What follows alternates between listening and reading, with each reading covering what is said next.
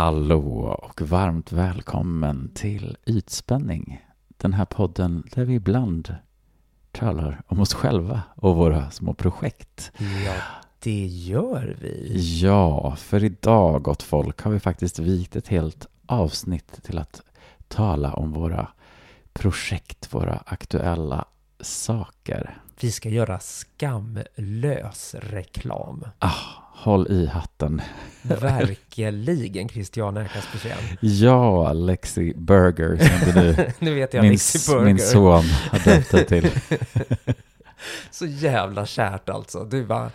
Eh, Lexi ja, Lambergia. Ja, precis. Han bara, Lexi Burger. Och bara, that's my new name. Ja, That's fan, my new name. chosefritt får man säga. Ja, Lexi Burger, men det är lite klatschigt på ja, något vis. jag gillar det. Ja, verkligen. Ja, det är det mitt nya scennamn. Ja, det ska du ha när du spelar runt om landet. Ja, visst. Jag ska äntra scenen Det känns som ungt. en stor piggt. hamburgare. Ja, precis. Så hamburgarkostym kommer jag upp. Gud, jag ser det som någon i Babblarna här plötsligt i en Ja, en barnprogram, Lexi Burger. karriären gick spikrakt neråt. Oh, ja. Det är så det alltid, det är så går det alltid förr eller senare. Ja, Men eh, ja, när eh, de, eh, ni som lyssnar lyssnar på det här så är ju faktiskt du aktuell med en P1-dokumentär. ja, som jag snickrat ihop alldeles själv faktiskt. ja, några är väl inblandade också i det hela. Det är de. Ja, Många. men den heter Att ångra det oåterkalleliga. Ja, Mm. Eh, vi tar det från början, tänker jag ändå är bra plats. mm. Hur, eh, när kom idén och liksom hur, och vad handlar det om? och vad handlar den om? Precis. Eh, jag tror väl att många då som kanske har följt vad jag gjort tidigare får en liten fingervisning av, bara av titeln. Mm. Men för att vara glasklar så handlar det alltså om att ångra en könskorrigering. Mm. Och jag har träffat två unga tjejer som båda är 28 år gamla och som i eh, mitten på tonåren eller i ett av fallen sena tonåren eh, kom ut som trans. De sökte sin identitet. Eh, de eh, nosade på, är jag intergender? Är jag... Eh, jag är i alla fall inte kvinna. Jag kanske är någonting emellan kön? För att sen successivt landa i att de var killar egentligen så. Alltså transkillar. Mm. Och de inledde då behandling i transvården med mastektomi, alltså att man tar bort brösten, och eh, testosteronbehandling, alltså det manliga könshormonet. Och båda två ångrar sig idag. Mm. Ehm, och söker upprättelse kan man väl säga. Och det som är väldigt spännande med de här två är ju att de sätter ord på vad det innebär att ångra sig på ett sätt som jag faktiskt inte har hört tidigare. Inte så mycket i alla fall Mm. eh, i offentligheten. Mm. Eh, För det här är ju väldigt känsliga processer såklart. Det är, eh, det, det är inte så skönt alla gånger ens att erkänna för sig själv att man har ångrat eh, någonting som man har varit så stensäker på i Nej. sitt liv. Och de som ångrar sig då, eh, de brukar kalla sig för att vara detransitionerade. Alltså att man har transitionerat från kvinna till man. Eh, och sen ångrar man sig och då går man tillbaka. Och då säger man detransitionera. Mm. Eh, och att man är detransitionerad. Så. Just det. Men det är bra att du tar upp de begreppen, för det är det är inte helt vanliga begrepp som kreti och pleti Nej. är, är liksom vana vid att använda. Nej. Men det här är ju, som vi har talat om sådana här frågor lite grann tidigare, det är ju, väcker ju väldigt mycket känslor och eh, åsikter och tankar i. Hur har du tänkt eh, med det, kring det här? Känns det, liksom, är det någonting som Gör det svårt eh, att närma sig de här sakerna, att veta? Självklart. Mm. Nej men verkligen. Alltså, vi, ja, vi har ju pratat om det i den här podden flera gånger. Alltså, alltså hur svårt det, det faktiskt är att prata om det här. Men, men det är det som är så bra med att både Emily och Judy då, som de heter, Mm. eh, de är extremt, alltså extremt modiga. Jag kan liksom inte säga det tillräckligt många gånger för att Juni till exempel, hon pratar om att hon alltid haft svårt att acceptera sig själv som tjej.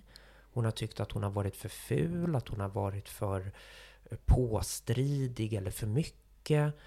Mm. Eh, och Emily är inne lite på liknande tankar. Hon har alltid varit en tomboy, en pojkflicka sedan hon var liten. Och det var absolut inga problem med barndomen. Men när hon började närma sig puberteten så började hon få kommentarer om att hon inte var som de andra tjejerna. Varför har du så små bröst? Varför sminkar inte du dig? Varför klär du dig på det sättet som du gör? Alltså, du är ju en tjej liksom. Alltså att de båda pratar väldigt mycket om det här att ha mött ja, men normer helt enkelt. Alltså Mm. könsrollsnormer Mm. som de inte har förstått riktigt. Att va, hur ska jag tackla det här? Och jaha, om, om de tycker att det är fel på mig, då kanske det är fel på mig. Och Emelie då till exempel berättar om hur hon söker sig till ungdomsmottagningen och då börjar få frågor om hennes sexualitet, om hon är lesbisk. Vilket ju såklart bara är av välmening. Liksom att det, det menar, de vill ju bara liksom hjälpa henne där. Mm. Men för henne, i henne, där hon var i processen då, så blev det som ett... Ja, men det blev som ett bekräftande på att ja, men det är någonting med mig. Jag kan inte bara vara så här, utan då måste det bero på någonting. Mm. Ehm, så den där känslan fortsatte att följa henne tills hon fick en förklaring då utav en hbtq-aktivist som hon träffade på ett scoutläger. Ehm, om att det finns olika sätt att vara man och kvinna på. Man kan vara mellan kön, det kallas för intergender. Man kan vara transsexuell, alltså tillhöra det motsatta könet fast man då är född i fel kropp. Och det jag upplever att Emily vill säga eh, med det är att, att för henne var det egentligen inte så mycket värre än att hon var maskulin som tjej Mm. och att inte bli accepterad. Men med alla de här begreppen då, att man, att man bestämmer sitt eget kön, det man brukar kalla för eh, självidentifiering, eh, att man har en könsidentitet som inte behöver matcha kroppen. Det förvirrade henne på ett sätt som inte i längden blev bra. Så hon fick hela tiden då, menar hon, bekräftelse på att ja, men det, ja du, du, du känner rätt, det är någonting som är fel med dig. Mm. Och därför så finns det hjälp att få för sådana som dig. Och det kan vara hormoner, eh, även om du inte är 100% transsexuell och upplever att du vill gå hela vägen och leva som en man. Men du kanske är icke-binär och vill ta testosteron, alltså sådär. Mm. Och det här låter ju väldigt fritt och öppet, att man får välja själv. Men för henne blev det att någonting så enkelt som att inte passa in i kvinnorollen ledde in henne på vad hon kallar då för en ja men en farlig väg. Mm. Där hon började göra saker mot sin kropp som hon ja men som är irreversibelt och som Mm. eh, gör att hon ångrar sig idag och att hon ja men lite grann står i spillrorna Mm. av det som är kvar utav av kroppen så liksom. Alltså brösten är borta och testosteronet hann inte göra jättemycket för att hon började tveka redan efter tre månader på testosteron så liksom. Men ehm, jag tycker att båda de här två historierna, Emelies och Junis, berättar en lite mer komplicerad bild av det här då som på senare år och där jag själv inte alls är oskyldig på något sätt eh, har man har velat avdramatisera det så till den milda grad att man har tagit bort allvaret med att göra de här ingreppen. det, det, är inte riskfritt att ta könskonträra hormoner, det motsatta könets eh, könshormon. Eh, och det är inte heller riskfritt att göra en, en mastektomi, alltså ta bort brösten, utan ibland så kan ju jag, jag kan höra ibland från folk sådär att men vadå, vad är det som är irreversibelt med det? Man kan ju bara sätta in bröstimplantat. Men du tar alltså bort bröstkörtlarna. Mm. Och för en ung person som kanske vill ha barn i framtiden betyder det att du kan inte amma. Och det, jag menar som med alla operationer som, där man skär i kroppen så um, innebär ju det såklart också känselförlust. Och i mm. Emelies fall så har hon tappat känseln helt i sina bröst. Um, och det här är ju såklart problematiskt om folk som egentligen inte behöver den mm. vården får den. Mm. Och både Emily och Juni riktar sig mot vården i det här programmet så och säger att vi borde inte ha fått de här behandlingarna. Eh, och vården måste ta ansvar. Mm. Och det menar också en, en eh, han kallar sig inte för transman, utan han kallar sig för transsexuell. Han heter Mikael Scott Bjerkeli. Han är transsexuell från kvinna till man. Eh, och han trivs med sin könskorrigering. Eh, han började utredning så tidigt som 1994. Idag är han senior rådgivare på transorganisationen Harry Benjamin Resurscenter i Oslo. Mm. Och han menar att, eh, också att vården måste ta ansvar för de som ångrar sig. Och han vänder sig också lite grann emot det här sättet att se på, på transitioner. Att, att det skulle vara en identitet om man väljer själv. Och lite som han uttrycker det, välj det du vill ha i butiken. Mm. Eh, han menar att det avdramatiserar på ett dåligt sätt då eh, vad man faktiskt gör. Att det är irreversibelt och att det kräver eftertanke och att man ska absolut inte ha för bråttom och helst ska man vara lite äldre också så att man verkligen har kunnat hinna med sina val och sina tankar så att man vet att det inte är någonting som är övergående. Nej. Men du berättade att de var i tonåren när de började komma in på de här tankarna. Men hur gamla var de när de började göra, eh, vi behandlade med hormon och mastektomi? Och... Eh, ja, precis. Juni var 15 när hon kom ut. Eh, jag tror att hon började sina behandlingar, alltså hon fick börja utredning när hon var 18. Mm. Och därefter Eh, så tog det väl ytterligare ett eller två år innan hon fick eh, några behandlingar så. Mm. Och Emily var 19 eh, när hon kom ut och hon var 21 när hon började sin utredning. Mm. Så båda var ju vuxna mm. när de inledde själva det medicinska så liksom. Mm. Vilket ju också någonstans, och det är också någonting jag ställt som motfråga till dem, liksom, att men hur ser ni på det då? Att ni var ju faktiskt vuxna när ni, när ni gjorde medicinska ingrepp och så. Mm. Och jag tror att det är Emily som har sagt det, eh, att, att det viktiga för henne är egentligen inte ålder och åldersgränser, utan det är att, eh, att de här historierna kommer ut så att man har mer, man kan göra ett mer informerat beslut. Mm. Eh, för att som det har sett ut när hon i alla fall gjorde sin så menar hon att nej men, det, det, var bara det här som fanns som förslag på vad jag kunde göra. Det var antingen liksom lev med det som är jobbigt eller försök göra någonting åt det. Och då menar hon att det är klart att jag försökte göra någonting åt det så, liksom med de förklaringsmodellerna som fanns mm. på bordet. Så.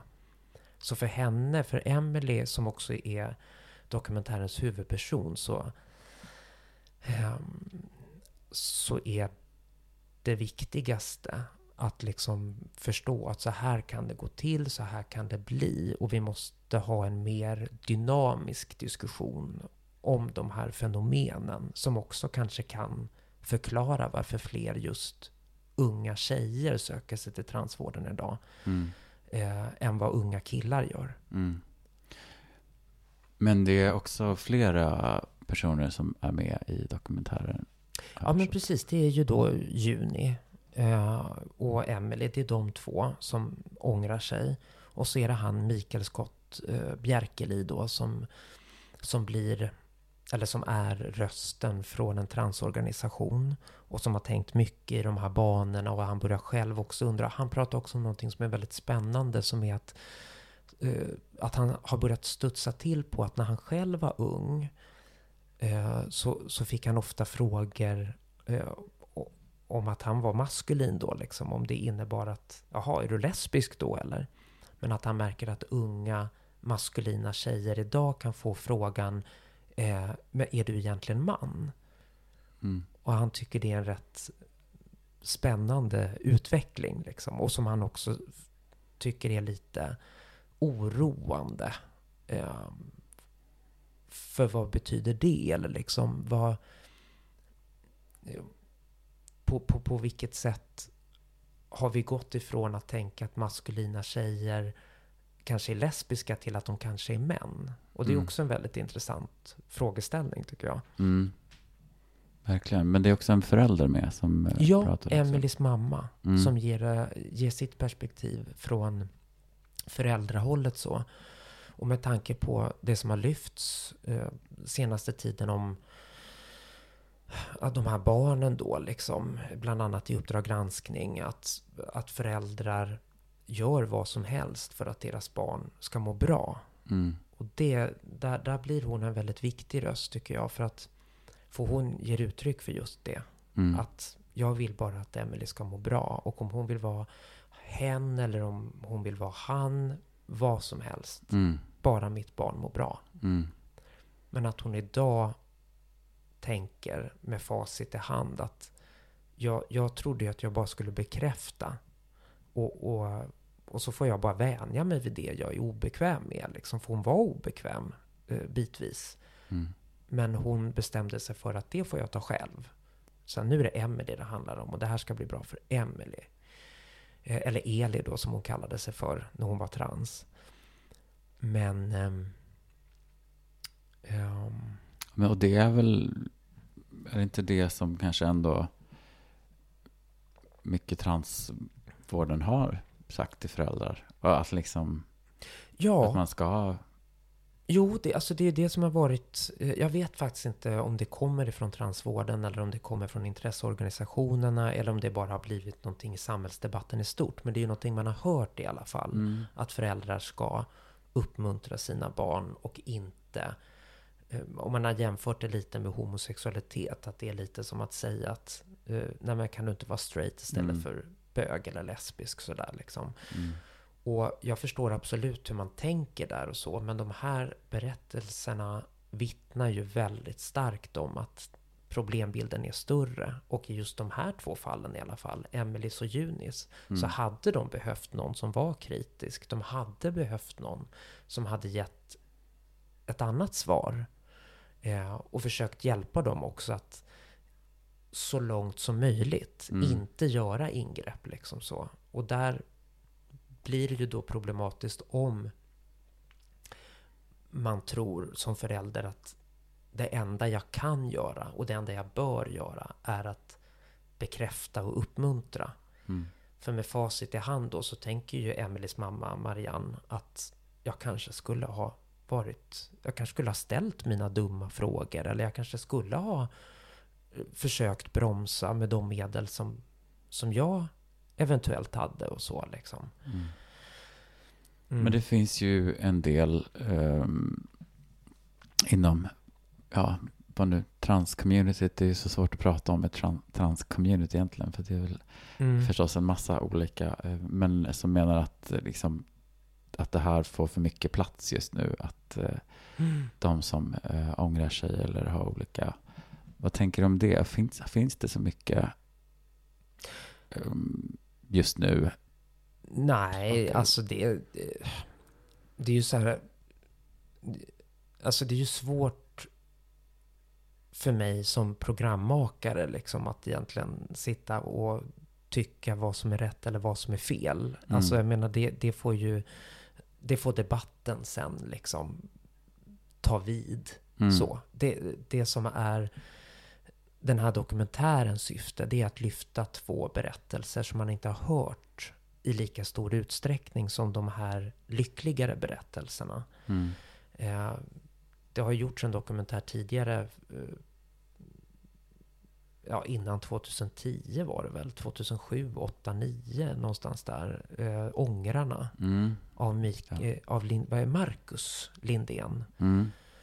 Eh, och det var ju två äldre herrar som hade gjort sina könskorrigeringar i väldigt, eh, en helt annan tid liksom. Alltså på 60-talet var väl någon som hade Ja. gjort, 60 och 70-talen.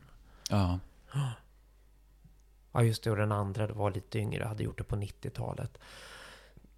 Men eh, utöver det så har inte jag sett eller hört något program som tar upp det här så tydligt. Där då Mm.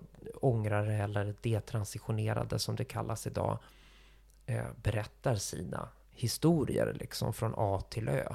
Mm. Och försöker förklara vad var det som gjorde att jag kände från början att jag behövde det här. Vad var det som inte blev som tänkt? Och hur tänker jag kring eh, min könskorrigering idag? Liksom, och Mm.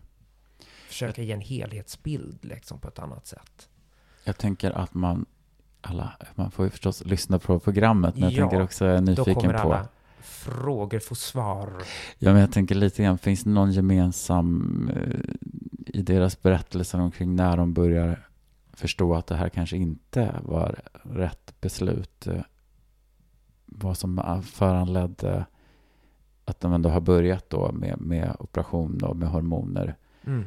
som när de börjar slå dem att det här inte är rätt.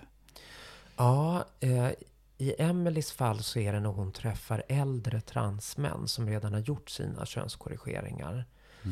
Eh, då hade hon gjort sin mastektomi, hon hade börjat ta hormoner och hon mådde inte jättebra. Så hon ville ha stöd och träffa någon som hade gått igenom det här redan. Som kunde ge henne en annan, ja men lite pepp helt enkelt sådär liksom. Men istället för pepp så fick hon ja, men lite varningens fingrar upplevde hon det som. Att, att de här transmännen berättade för henne det inte alls säkert att du kommer må bättre efter operationerna eh, eller efter att du är klar och börjar passera som man.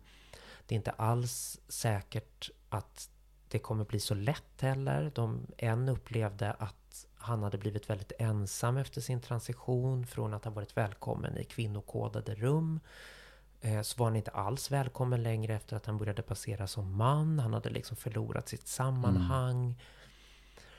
Och det där satte ju eh, tvivel i Emelie som då började läsa på den forskning som finns. Och det finns inte jättemycket forskning idag. Och hon blev mer och mer tveksam och då hon då såg då att ja, okej, okay, det man har sett i den långtidsstudie som har gjorts här i Sverige liksom så, så kan man inte vara 100% säker på att livet kommer att bli normalt eller bättre för att man gör de här ingreppen eller de här Mm. eh, hormonbehandlingarna. Mm. Och, och det gjorde henne lite rädd, eller väldigt rädd. Mm. Och till slut då så valde hon att avbryta allting för att hon, hon menar att jag, jag började ju på den här resan för att jag skulle må bra.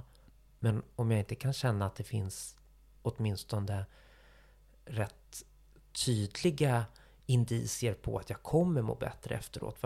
Då förstår jag inte riktigt längre varför jag ska göra det här. Mm.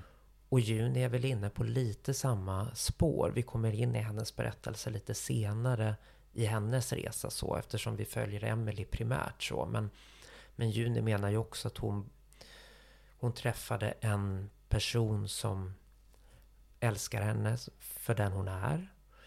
Eh, oavsett hur hon är. Eh, och hon var inte nöjd med sin mastektomi. Eh, och hon var tvungen att gå av testosteron ett tag av hälsoskäl då, som hon tänkte inledningsvis. Men sen när hon hade slutat på testosteronet så kände hon inte någon könsdysfori över det. Och i relation då med att hon har den här relationen där hon känner sig älskad oavsett om hon är man eller kvinna, så bara för den hon är. Så började nya tankar eh, sätta igång i henne. Ja, men det är två personer som är Låter som väldigt, ja, verkligen har tänkt igenom och har ord och eh, för sin upplevelse. Ja, Mm. absolut. Och som är modiga nog att ställa upp med eh, Juni vill inte berätta sitt riktiga namn. Hon heter egentligen någonting annat. Mm.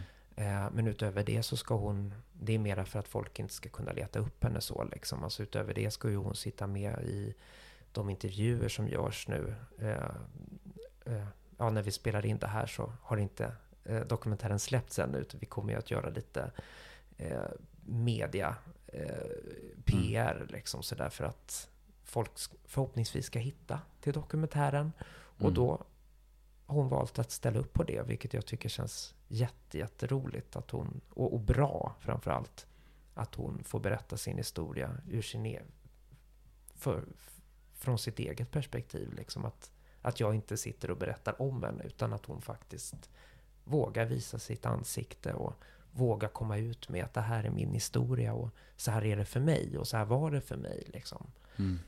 Det tycker jag känns jätte, både roligt och viktigt. Liksom. Mm.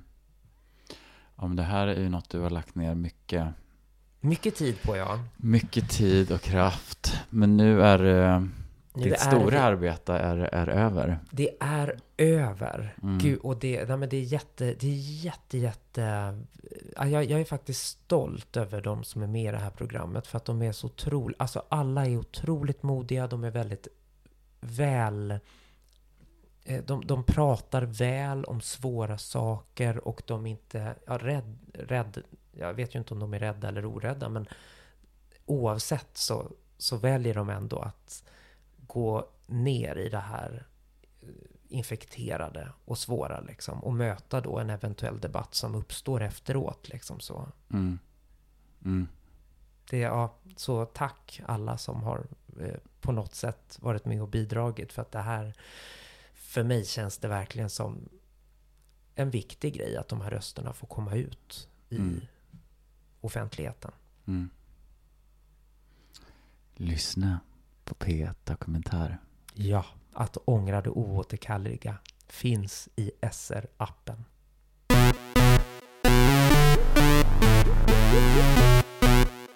Ja, men från ett litet tyngre ämne till ett lite mer poppigt ämne måste man väl ändå säga. Mm. För nu är det dags för mig att ta på mig intervjumössan. Det står press i hatten på mig just nu. Jag ser det. Ja, du ser den gamla Du bär det. 50-tals... Du bär det så vackert. Ja, oh, tack ska du ha. Den gamla 50-talsjournalisten är vaken och naken. Ja, herregud. Eh. Du är verkligen 50-tal. Ni, ni som lyssnar skulle ha hört när Lexi Burger satt här och talade om olika bakverk. här. Det var ju bara som, klippt eh, Allers dam, eh, veckotidning Ja, från gud. 1955. Gräddbullar, gräddbullar mina vänner. Åh, det är ett underskattat bakverk. Eh, Okej, men du är också aktuell, Christian Kaspersen. Ja, precis. eh, I maj månad i alla fall. Ja, men precis. Och nu är det maj månad Mm. och när det här släpps så eh, är det nästan på dagen. Det är en eller två dagar bara ifrån Mm. att Second Time Around-albumet kommer Ja. ut. Berätta lite om det för lyssnare nej. Ja, nej men det är ju, eh, det är ju been a long time in the making, Mm. kan man väl absolut säga. Ehm, det är ju också lite svårt idag med liksom, liksom musikindustrin är ju eh, förstås ingenting som den var när vi var barn.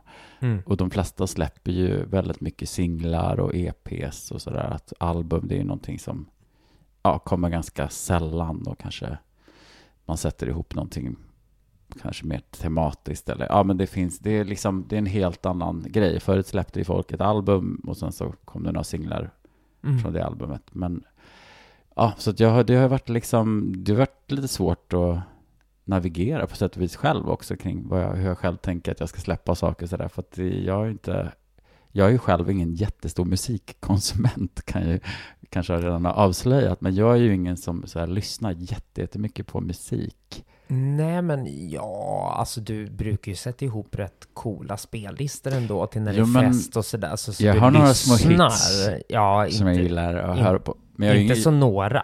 nej, men jag, är ju ingen, jag går ju sällan och lyssnar på musik i lurar. Jag lyssnar ju alltid på poddar. Jag sitter ju aldrig hemma och lyssnar på musik. Men sen så är det såklart, man snappar ju upp musik man hör på gymmet, på en fest och följer med i populärkultur och sådär. Så kan man ju ändå få sina små inslag. Men Mm. Så jag, ja, alltså musik är ju min stora passion, men, men jag är inte den största konsumenten. Men, men det är ju inte alla som är det, har jag förstått. Nej, Det finns många av oss som... aldrig gå på teater fast vi kanske spelar teater och så men vidare. precis. Ja, Ja. men gud, vi är ju sämst. Mm. Eh. Man vill göra annat på sin fritid helt enkelt. Precis. Nej, men jag släppte ju... 2013 släppte jag mitt första album, The Last Temptation av Christian Kaspersen. Men det var inte the last. nej, nej, det var Det blev bara det. bättre och bättre där. Ja. Nej, men sen har jag släppt EP 2015, Mm. Big Black Hole, och sen så har jag släppt en rackarns massa singlar och en EP, Love Like I've Never Been Hurt, Ja. för ett år sedan. Och den här Stay som blev uppsnappad av Wahlgrens värld som Ja, en programsignatur, eller inte signatur, men låt i Ja, alla den fall. var med i ett avsnitt där. Ja, Ja. men precis. Och du har spelats på P4, du har eh, streamats mer än någonsin de senaste två åren. Ja, men det har ju tack och lov varit en liten uppåtkurva, liksom, sen Och nu ska, 2020, du, typ. nu ska du vara med i tidningen Mama och prata föräldraskap och artisteri. Ja, det blev inte så mycket fördjupat kring artisteri som mamma är intresserad av, men absolut att prata regnbågsfamilj framför allt. Mm. Ja, nej men jag hade ju liksom länge, alltså många av låtarna är ju som skrivna, det är ju liksom, det är ju långa processer här. Mm, självklart. Många av låtarna är skrivna redan från, Alltså Tjugo- låtarna nu på, så på albumet. albumet Second Time Around som kommer den 20 maj ska vi väl vara väldigt noggranna med att säga. Ja, nej men många är ju skrivna liksom verkligen 2016, 2015, 16, 17. Mm. Så... Um, och Varför har du inte släppt dem tidigare då? Ja, men jag har ju släppt en del. Mm. Ja, fem utav Singlar. låtarna är redan släppta. Ja, precis. Fem av nio är redan släppta. Ehm, ja, men så jag har släppt av lite i taget liksom. Det är ju väldigt många. Det är ju ett liksom.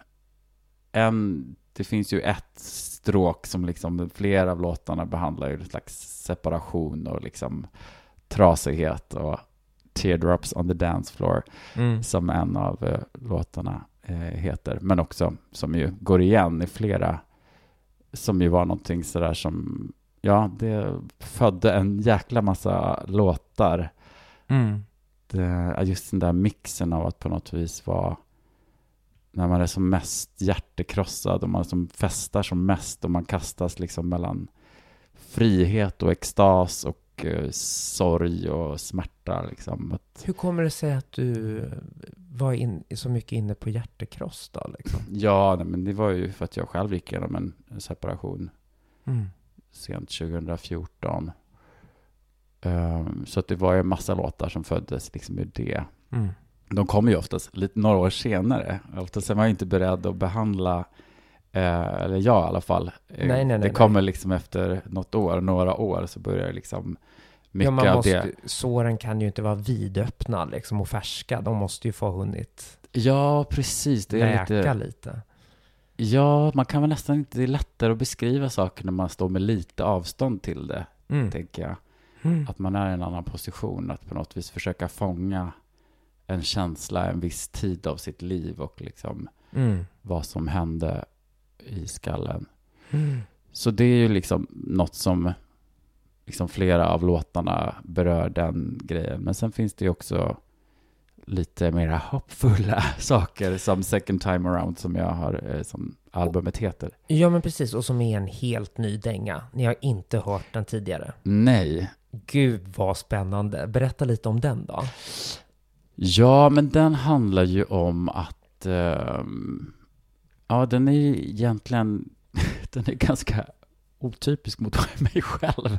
Eh, men den handlar ju om att typ eh, möta på någon man har haft en fling med förut och typ bara se en öppenhet för, men här kanske finns en romans eller finns här en vänskap liksom, men Mm. låt, låt oss eh, utforska det på ett så här väldigt eh, lättsamt och casual vis. Oh, och vad var den inspirationen till detta då?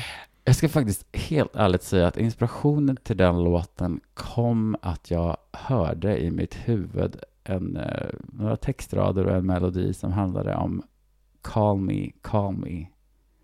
Uh, jag tänkte, vad sjutton är det här för låt? Alltså, den började inte utifrån att jag satt och tänkte till att det var något jag skulle skriva. Okej, jag tänkte verkligen, ja men det får inte vara någonting med, det får inte rimma på phone och alone.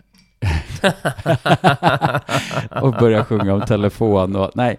Eh, alltså den helt enkelt bara, ja, den bara kom. Alltså det är inte, jag har, den har inte fötts fram med något speciellt, men jag tänker väl att den handlar om att eh, våga vara öppen, liksom och se möjligheter och En inte person vara så som du rädd. har liksom. träffat och det har bara runnit ut i sanden. Ja. Och så bara, men vad fan, varför släppte jag det där för? Mm. Och så bara, nej men ring då. Ja, Så får vi se vad som händer. Att det är inte så nej, ah, tänker precis- heller. Det är inte så här hjärtekross och det är inte heller, åh jag är så kär så att jag spricker. Utan Nej. det är Att vara öppen everyday och lekfull life, eh, på något love. Ja. I Mm. liksom nuet på något vis. Och det tänker jag väl är...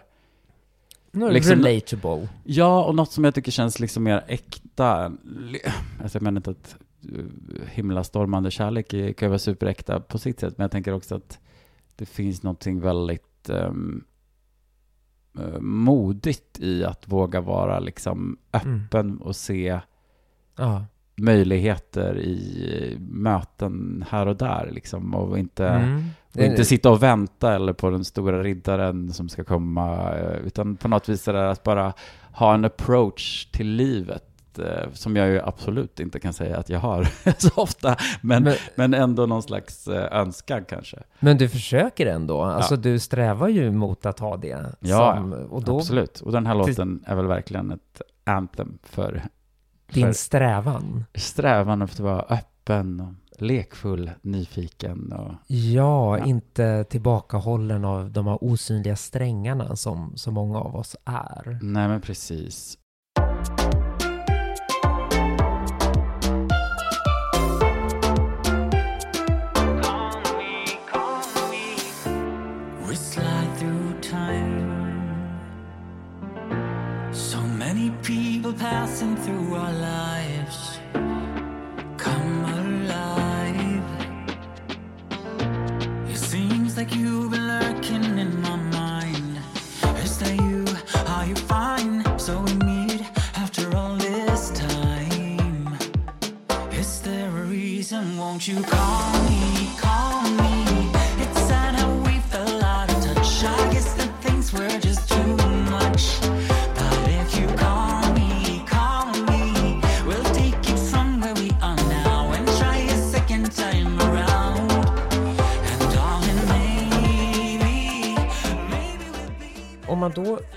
fortsätter vidare ut till liksom hela eh, albumet, för nu var du ju inne lite på det, vad, är- vad är det för typ av musik då? Liksom? Alltså du var inne på det nu, lite tropical. Eh, Tropical House.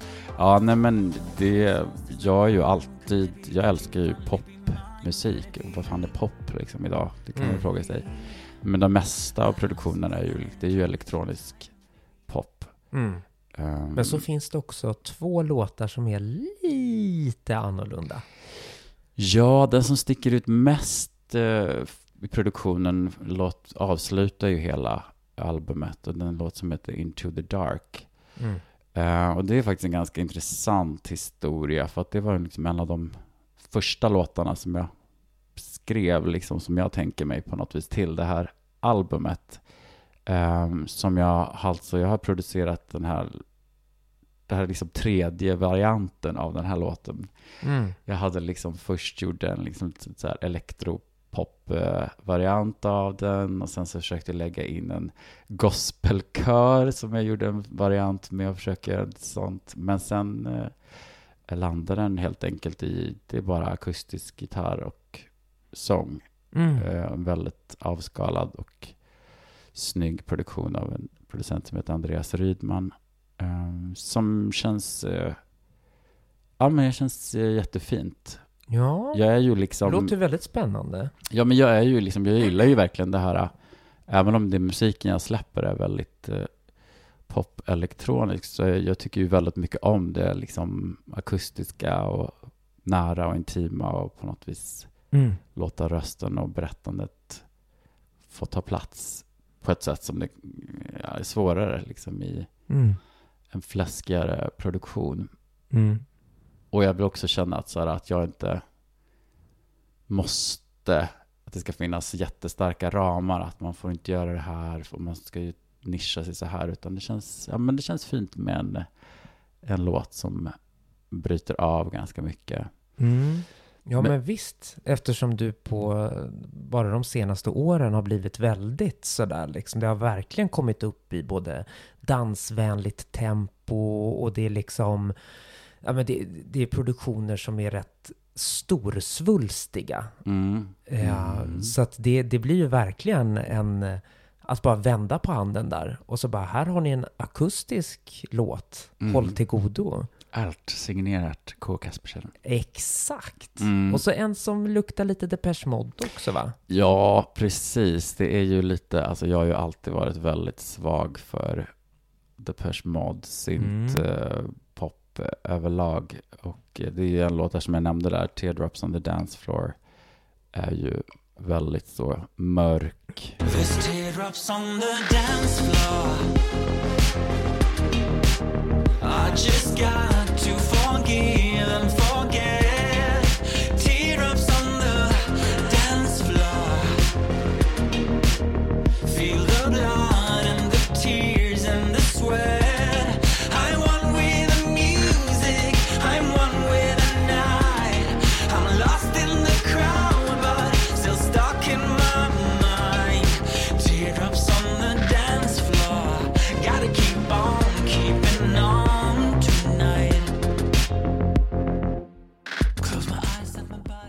Alltså många av låtarna har på något vis, även om texten kanske är väldigt eh, ganska tung på sina håll, Ja, Så produktionerna kan vara ganska dansanta och peppiga och jag tycker också att det kan vara intressant men det finns liksom motsägelser. Mm. Eh, eller det är inte motsägelser för man märker att även i ett eh, heartbreak så kan det finnas ett driv och en vilja att ändå gå vidare ur och på något vis. Men ja, men jag gillar det där.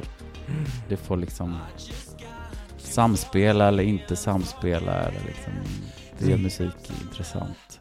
Absolut. Ja, men det är det verkligen. Nej, men den är, om man tänker på vad du sjunger där i den låten så så är den ju väldigt alltså, sorglig. Mm. Men av någon konstig anledning så upplever man den inte så sorglig när man lyssnar på den. Nej, Även om den har sina suggestiva element. element. Ja, den låten har jag fått in en del eh, bibliska referenser. Oh, Och sånt gillar jag. sånt gillar du ja. Ja, som Mm. The Last Temptation där på förra. Just Ja. det, just det. Det var ju också... Mm, nej, men sånt tycker jag är kul. Ehm, ja, nej, men det är Babylon och Adam and Eve och alla med Serpents i den här låten. Yeah, girl. Going Christian. Ja, absolut. Absolut. Det tycker jag är väldigt intressant. Mm. Jag tycker det är väldigt intressant med religion Mm. också. Och har ju läst några poäng i mina dagar också. I teologi? Nej, jag har ju läst religionsvetenskap. Ja, ja, just det. 90 poäng. Oh, på högskola. Kanske bara skriva musik, jag kan också läsa. kan nog spela på orgel. ja. Men Ja. du, vad händer framgent då? För att eh, du har ju också tankar om ett framtida artisteri som är, ligger lite mer i Come What May. eh, Kan vara mig. Eh, ja, men alltså för mig känns det ändå så här. Vi började med att prata där om liksom vad betyder ett album idag. Och det kanske inte behöver betyda så jättemycket. Men för mig känns det ändå som att sådär. Att det är lite grann så här eran 2015 till 2022 på något vis så här. Mm. nu paketerar jag det. Det är någon slags, en slags musikalisk konstnärlig form av massa erfarenheter och, ehm, som paketerats ihop här. Och jag kände lite grann som att det är, jag menar jag, jag har ingen aning. Jag kanske kommer kanske kommer ta fyra månader, sen släpper jag en ny eh, synt, pop, elektro-låt på Du kan engelska. inte hålla dig liksom. Ja, precis, och det vill jag ju verkligen inte. Men jag känner en sådär come what may-känsla. Jag har börjat experimentera med, jag har skrivit några stycken låtar på svenska, vilket jag ju inte har gjort förut. Jag har gjort, jag har skrivit en del humorgrejer och sådär till föreställningar och radio och lite sådana saker. Men, Mm. Men inte så mycket till mig själv. Nej. Så det känns ju sjukt eh, spännande. Verkligen. Mm. Och få se lite vad, vad som kommer ut av... eh, Det kanske är en, ett helt annat sound nästa gång. Kanske. Det känns så just nu. Mm. Det känns just nu som att jag till viss del vill ha lite mera lite mera, vad säger man, live-instrument eh, Mm. och sådär. Att, eh, det är ja, men lite mera musiker inblandade Mm. och sådär. Just nu har jag jobbat väldigt mycket med väldigt många fantastiska producenter. Det är ju Emil Sound Factory Hellman som vi har varit med i podden här. Just Legendarisk det, producer. legendarisk ja, verkligen. Etta på Billboardlistan, eh, Mm, dans, eh, mitten på Billboardlistan. 90-talet. Ja, scheisse malaise. Och Peter Hägerås som är super, superduktig och har gjort massa grejer och ligger bakom de senaste årens Pride-låtar. Mm. Ehm, och ehm, ja, Andreas Rydman har han nämnt. Vem är det mer som är med som producent? Ja, men och en kille som heter Kristoffer Wennerlund som har varit med. Som är med, som har varit väldigt kul också. Mm. Så ja, nej men det, det känns kul. Men det blir lite, det blir någon spelning i alla fall efter släppet. Och det blir lite releasepartaj. Ja, som inte jag kan vara med på. Nej, så fruktansvärt tråkigt. Ja, Fy så fan. jävla tråkigt. Jag känner mig halv. jag känner mig halv, jag känner mig också halv. Jag ska vara i Paris. Åh, Paris. Ja, Paris. Våren i Ja, Paris. våren ska jag möta i Paris, men jag ska jobba. Så att det ja. Jag har ju aldrig varit i Paris. Det känns som att jag är Mm. Den sista människan på jorden i den här västerländska lilla bortskämda bubblan. Ja, det är du verkligen. Det Ja. är liksom medelklassens mecka. Ja, Dit åker du, vi Jag och kanske ska åka lever dit. kulturliv. Jag blir svår på riktigt. Ja, med Bort med det och här kommersiella. Ja, ja, nu ska det liksom skrivas eh, existentialistiska, banbrytande eh, konstverk till musik. Ja, gud ja. Och, och göras meme på Paris gator som musikvideo. Ja, underbart. Klichéer, come. Come watch me. Ja, nej men det, jag tycker det, jag tror att det är skönt på något sätt ju att vi alla liksom som skapar saker också behöver så här ibland känna att det finns en början och ett slut för att man ska liksom ja, själv bli intresserad och upptäcka saker på nytt och för sitt eget skapande. Att det, Mm. och som sagt, who knows, det kan bli vad fan som helst eller så fortsätter det helt i samma linje om det är det som Mm. som kommer ut. För att någonting jag har lärt mig väldigt, liksom ganska tidigt i mitt skapande är verkligen att när jag verkligen försökt, ja men nu ska jag skriva en så här riktig, riktig danshit som ska handla om det här, alltså då, då stryps min kreativitet. Ja. Då, då är det som att eh, den källan bara, mm, mm, funkar inte så att Nej, jag kan jag sätta. jobbar inte på beställning, Nej. den då. Liksom. Nej, du Och- får bara... Nu låter det som att jag uttrycker att allt skapande är någonting som kommer helt utifrån mig själv och så tänker jag inte, men det, jag upplever ändå att det är Mm. någonting, det är väl någonting som bubblar runt och som kommer ut till en på något vis och då kan inte jag, jag kan inte bestämma vilken form det ska ta eller, Mm. utan det måste få, varje låt måste få födas i sitt eget och bli sin egen, liksom komma till sin fulla prakt i sig själv och inte Mm. vara beroende av annat. Så att, eh, ja, come with me, som vi säger. May. i den Ja. podden.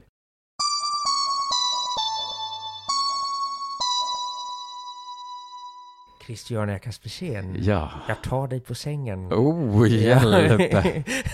nu, nu, nu kommer den här serietidningen Gulp-texten ovanför ditt huvud här. Ja. För vi har haft gäster Ja. och varje gång vi har gäster så frågar vi fem snabba mytspänning. Ja, men, och jag har fått de frågorna Mm. i en ti- mycket tidig säsong. Ja, det fick du. Ja, typ första säsongen. Mm. Nu ska du få dem. Bam!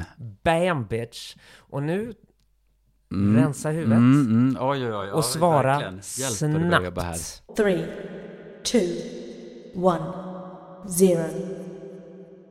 När känner du dig som snyggast? Oj, oj, oj. Ehm, svårt. Jag tänker att jag känner mig inte som snyggast oftast om jag har liksom ansträngt mig. Eh, Då känner jag mig oftast lite självmedveten en stund. Men eh, ja, om jag har bara sådär hastat mig i ordning lite mera och rusat iväg och kanske har eh, ja, två glas vin i kroppen. Då är i härligt sällskap. Då kanske jag känner mig som snyggast. Då, ja, och då är du också som snyggast. Det kan jag, det kan jag vittna om. Vad identifierar du dig som? Max tre saker. Uh, fy vad jobbigt. Tankeprocesserna kortas Eh, ordentligt i det här segmentet. precis. Ja, men eh, bög, Ja. absolut. Ehm, jag identifierar mig som um, någon slags eh, storyteller, eh, berättare, artist. Mm. Nu väver jag ihop det till en, men jag tänker oftast att mitt liksom, behov av att skriva musik och min vilja att liksom, gestalta text eller musik på något vis har någon slags ändå mest i liksom, ett berättande, mer än att jag känner mig som en musiker som vill Mm. framföra toner. Utan, Mm.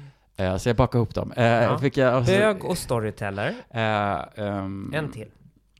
Eh, bög storyteller. Men gud, vad finns det mer? Mm. Nej men gud, jag fick hjärnsläpp. Jag fick hjärnsläpp. Eh, pappa, kanske? Mm. Det tycker jag låter väldigt Ja. rimligt. Ja, faktiskt. det är ju lite senare del av mitt liv som jag eh, har kunnat börja identifiera mig som det. Men det känns ju, det har gjort mig så gott. Mm. Det har gett mig så mycket, verkligen. Och det är jag så tacksam över. Mm. Mm. Det förstår jag verkligen. Var befinner du dig på Kinsey-skalan? oh my god, I'm gayer than the rent production. production of Rent on Fire Island. Det Detox säger i uh, RuPaul's Drag Race. Ja, Eh, ja, nej men gud, jag har väl absolut haft eh, några erfarenheter som inte har varit eh, homosexuella. Och, och det, det är bra, tycker jag, att man har undersökt, om man vill det. Men jag är absolut oerhört homosexuell. Vi pratar 200 procent och 100 är max. ja, absolut. Ja. Din bästa skönhetsprodukt eller beauty hack? Mm, ja, mitt bästa... Alltså, jag skulle fan säga att ta en dusch, tvätta ansiktet och börja om. Mm. Jag tycker folk som är sådär, ah, men jag gör mig ordning efter jobbet och så liksom geggar man på smink och eh, på en liksom redan eh, trött eh, hy. Mm. Jag tycker att liksom det är bättre att bara start fresh faced och bara dutta lite grann, men inte liksom kaka på Mm. eh, så mycket, utan att, eh, ja, en dusch och start over, börja om. Vatten är ju magiskt, det kan ju verkligen få en också att börja om, liksom att få energi till att känna lusten och Mm. sticka ut i världen igen, även om man är trött. Mm. Ja, bra svar. Mm. Eh, sista. Vad är din bästa comfort food? Mat som gör dig trygg, som du brukar säga. Oh. Ja, men, nämnde inte vi någon gång det här, men jag har, det är ju kanske inte min vanligaste, då, men jag upptäckte ju nyligen när jag köpte middagskorv, sån vegansk korv. Eh, vilket, den att den smakar ju typ lite grann som typ falukorv. Jag äter Ja, ju inte... jag vet, den jag god äter ju liksom sällan kött, men det, jag gör ju det då och då. Men jag äter absolut inte korv, köttkorv liksom. Nej, inga slaggprodukter då inte. Nej, men att fint. steka på den här och liksom stuvade makaroner, det var ju liksom en, det var en sån tidsresa. Ja. Det var ju liksom så här, det kändes ju som en moders smekning på kinden.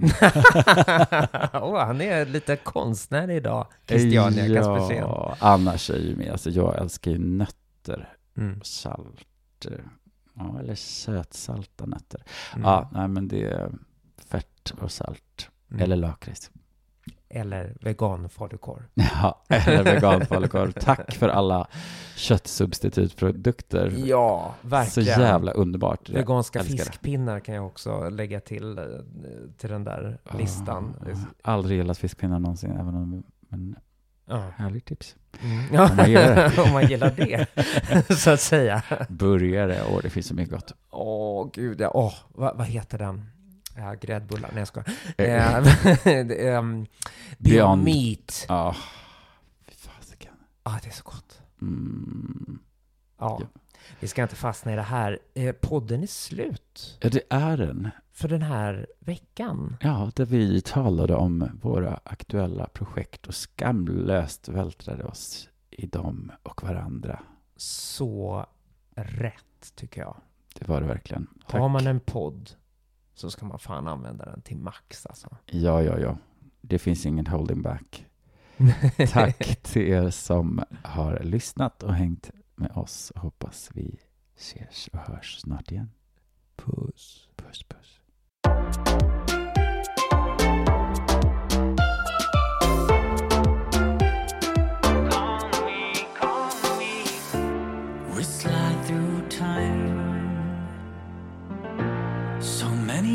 People passing through our lives. Come alive. It seems like you've been lurking in my mind. Is that you? Are you fine? So we meet after all this time. Is there a reason? Won't you call